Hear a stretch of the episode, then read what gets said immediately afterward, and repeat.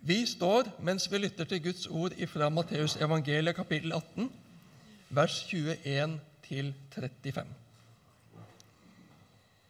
Da gikk Peter til ham og spurte, Herre, hvor mange ganger skal min bror kunne synde mot meg, og jeg likevel tilgi ham? Så mange som sju? Ikke sju ganger, svarte Jesus, men jeg sier deg 70 ganger sju. Derfor kan himmelriket sammenlignes med en konge som ville gjøre opp regnskapet med tjenerne sine. Da han tok fatt på oppgjøret, ble en ført fram som skyldte ham 10 000 talenter. Han hadde ikke noe å betale med, og Herren befalte at han skulle selges med kone og barn og alt han eide, og gjelden betales. Men tjeneren kastet seg ned for ham og bønnfalte ham. Vær tålmodig med meg, så skal jeg betale deg alt sammen. Da fikk Herren inderlig medfølelse med denne tjeneren, slapp ham fri og etterga ham gjelden. Utenfor møtte tjeneren en av de andre tjenerne, en som skyldte ham hundre denarer. Han grep fatt i ham, tok strupetak på ham og sa, 'Betal det du skylder.' Men den andre falt ned for ham og ba, 'Vær tålmodig med meg, så skal jeg betale deg.' Men han ville ikke. Han gikk av sted og fikk ham kastet i fengsel. Der skulle han sitte til han hadde betalt gjelden. Da de andre tjenerne så hva som skjedde, ble de dypt bedrøvet og gikk og fortalte herren sin alt som hadde hendt. Da kalte Herren ham til seg igjen og sa til ham, Du onde tjener, hele gjelden etterga jeg deg fordi du ba meg om det. Burde ikke også du ha vist barmhjertighet mot din medtjener, slik jeg viste barmhjertighet mot deg. Og Herren ble sint og overlot tjeneren til å bli mishandlet av fangevokterne til han hadde betalt hele gjelden. Slik skal også min himmelske Far gjøre med hver og en av dere som ikke av hjertet tilgir sin bror. Slik lyder Herrens ord. Vær så god, sitt.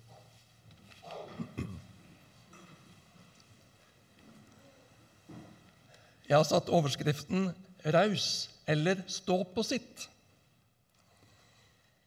Jeg er ikke i tvil om hvem jeg vil være.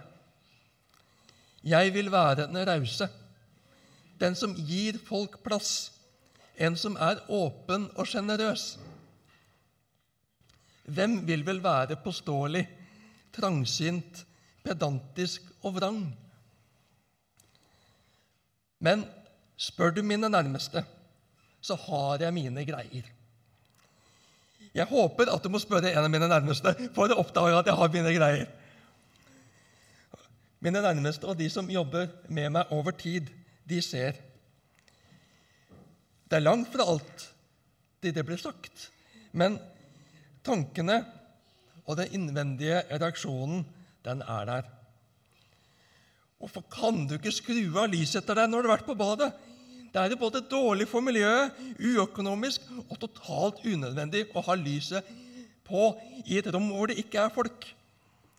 Dessuten så er det særnorsk. Bare en uvane i Norge hvor strømprisene har vært så lave. Hvorfor kan ikke folk rydde kjøkkenbenken etter seg? Hvorfor skal en overlate til det til den som kommer etterpå? Må du absolutt sette veska di der midt i tråkket bestandig?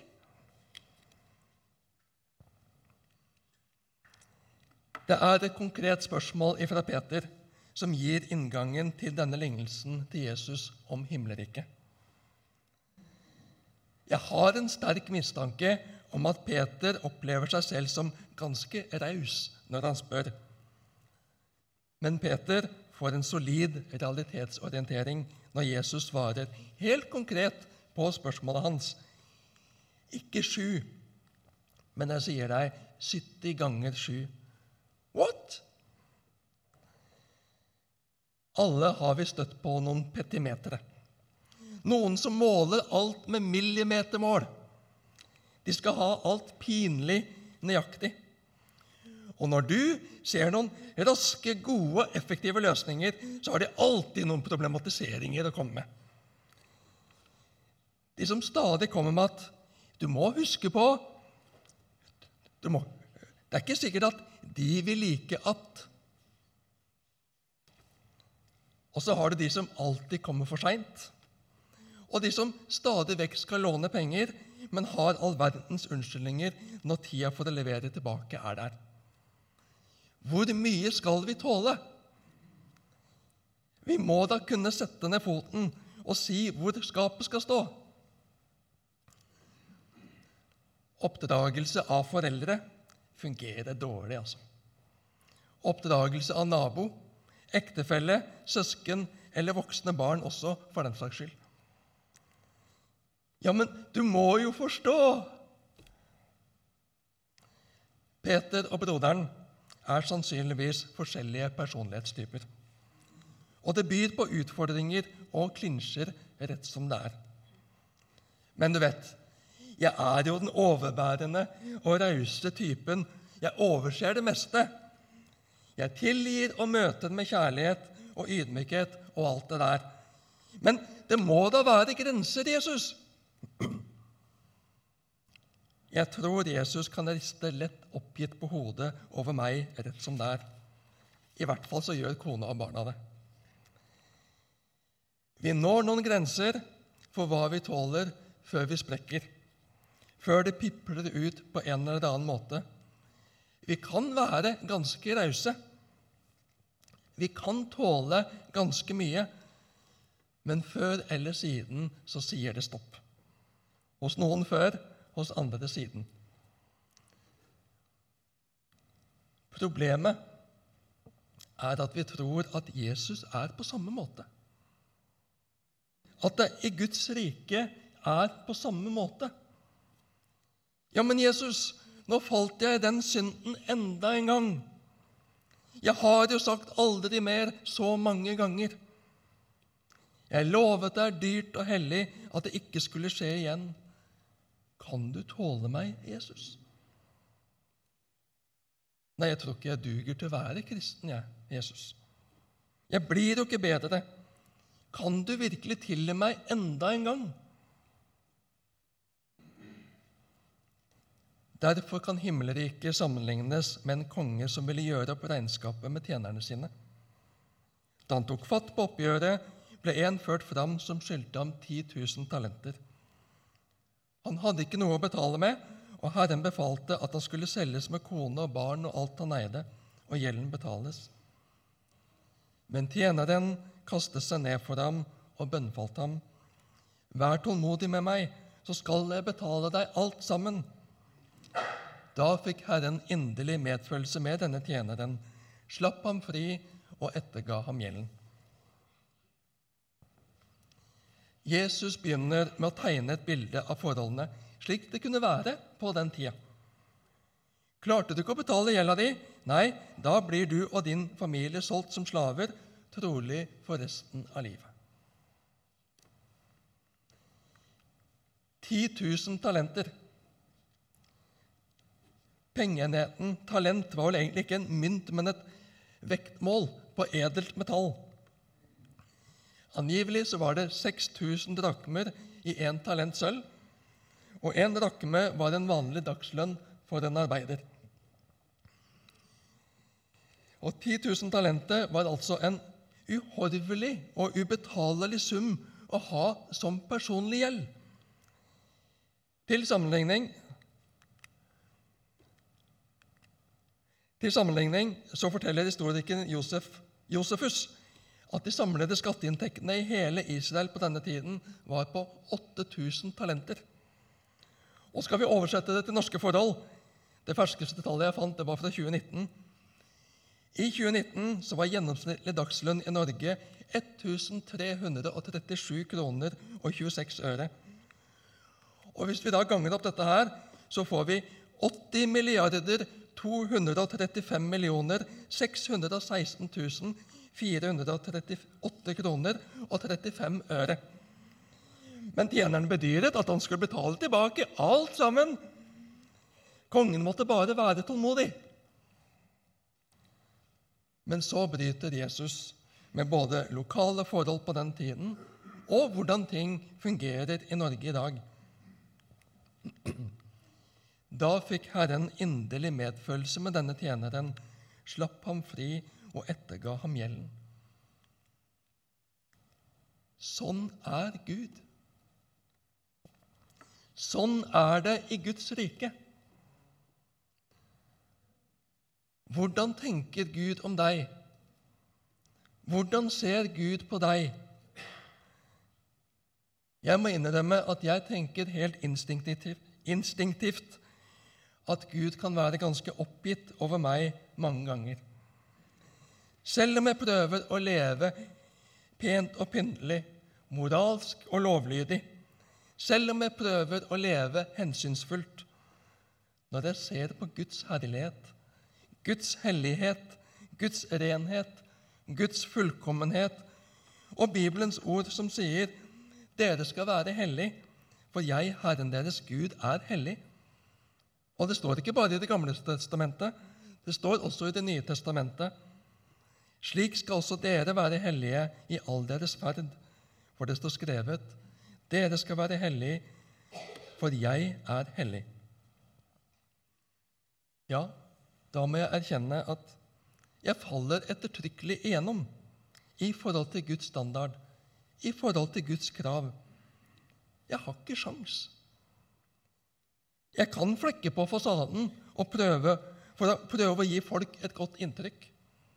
Men på innsida, innsida den bærer preg av så mye annet. Og de som lever nær meg, merker det så altfor godt. Jeg er en uhelbredelig synder. Og syndegjelden min overfor Gud, som har skapt meg, som har gitt meg livet, som jeg står ansvarlig for, den er uoverstigelig for meg. Jeg har ikke en nubbsjans. Jeg kan fristes til å bagatellisere. Jeg kan fristes til å sammenligne meg med andre og komme ganske greit ut av det når jeg legger godviljen til. Og jeg kan jobbe hardt for å legge av meg dårlige vaner som rett og slett er synd. Men jo lenger jeg lever, jo mer erfarer jeg at jeg går på smeller. Ikke bare smeller, men det er ikke land i sikte. Jeg bare siger mer ned i møkka jo mer jeg kaver og strever. Tankene mine, motivene mine, de jeg presenterer utad, kan være edle og fine, men bakom så sniker det seg både det ene og det andre av egen gevinst og ønske om å framstå godt. Jeg vil ikke det gode bare for godhetens skyld. Jeg vil ikke det rene bare for renhetens og Guds skyld. Jeg elsker ikke bare for den andres skyld. Jeg er kronisk innstilt på 'what's in it for me'? Hva kan jeg tjene på det? Den fordømte egoisten i meg blir jeg aldri kvitt. Ja, jeg er dømt. Jeg har ingen evne, jeg har ingen mulighet til å gjøre opp for meg. Jeg har ingen sjanse til å renvaske meg. Jeg er dømt. Jeg er fordømt. Jeg er fortapt. Vi lever i et samfunn som på mange måter blir mer og mer nådeløst. Tilgivelse i bibelsk forstand blir mer og mer et fremmedord. Jo, selvfølgelig så tilgir jeg deg, kan vi lett si. Kan folk lett si. Men i neste krangel, i neste sving, så kommer det opp igjen. Og en samler på stikk og bruker mot hverandre for å komme seg fram sjøl. Har du gjort noe galt en gang, så kan du aldri være helt trygg på at det ikke bringes opp igjen. Det er et maktmiddel for å holde deg nede. Sånn er Satan. Først bagatelliserer han det gale. Det er ikke så farlig. Alle gjør det. Det er egentlig ikke galt. Det går så fint, så. Nyt livet. Nyt friheten. Bare ta deg noen friheter. Dyrk dine lyster og ambisjoner. Men når du har gått på limpinnen og gjort det, da er det en helt annen låt. Hvordan kunne du? Du kan ikke være en kristen, du som gjør sånt. Det er bare å gi opp de religiøse greiene. Forresten, du må bare holde på med de religiøse greiene, men ikke tro at Gud kan akseptere deg. Det får være grenser for nåde. Det er ikke noen vits å gå tilbake til Jesus nå. Det er Satans stemme. Det er den ondes stemme. Og slik er mange mekanismer i samfunnet vårt også. Mennesket kan rett som det er opptre slik. Det viser hvordan mennesket ligger under for synden, ligger under for det onde. Men Gud er ikke sånn. Og det er det Jesus radikalt demonstrerer med denne lignelsen. Tjeneren hadde langt fra noe realistisk selvbilde. Han hadde et altfor optimistisk syn på egen evne. Han bedyret i hvert fall at han skulle betale. Snakketøyet var i orden. Hva han visste i sitt stille sinn, det vet vi ikke. Men kongen møtte ham med kjærlighet og medfølelse og nåde på tross av alt i hans liv. Sånn er Gud. Gud tilgir grenseløst. Det er ingen limit. Det er ikke mulig å overtrekke nåden. Vi har det svart på hvitt i Romerne 5.20. Ja, da var det dårlig illustrasjon å ta det hvitt på rødt og oransje, men ok, det tar poenget. Der synden ble stor, ble nåden enda større. Sånn er Gud. Gud tilgir fullkomment. Han bringer det aldri opp igjen. Vi kan ikke bestemme oss for å glemme, men Gud glemmer aktivt. Han utsletter synden. Den finnes ikke mer. Vi må ofte leve med konsekvensene av våre synder her på jord, for vi sårer mennesker. Vi mister tillit hos mennesker når vi svikter, og det kan ta lang tid å gjenopprette den. Men hos Gud er tilgivelsen fullkommen. Synden tilgis, den slettes ut, den er borte, den eksisterer ikke lenger. Tilbake til lignelsen. Men hvordan reagerer tjeneren?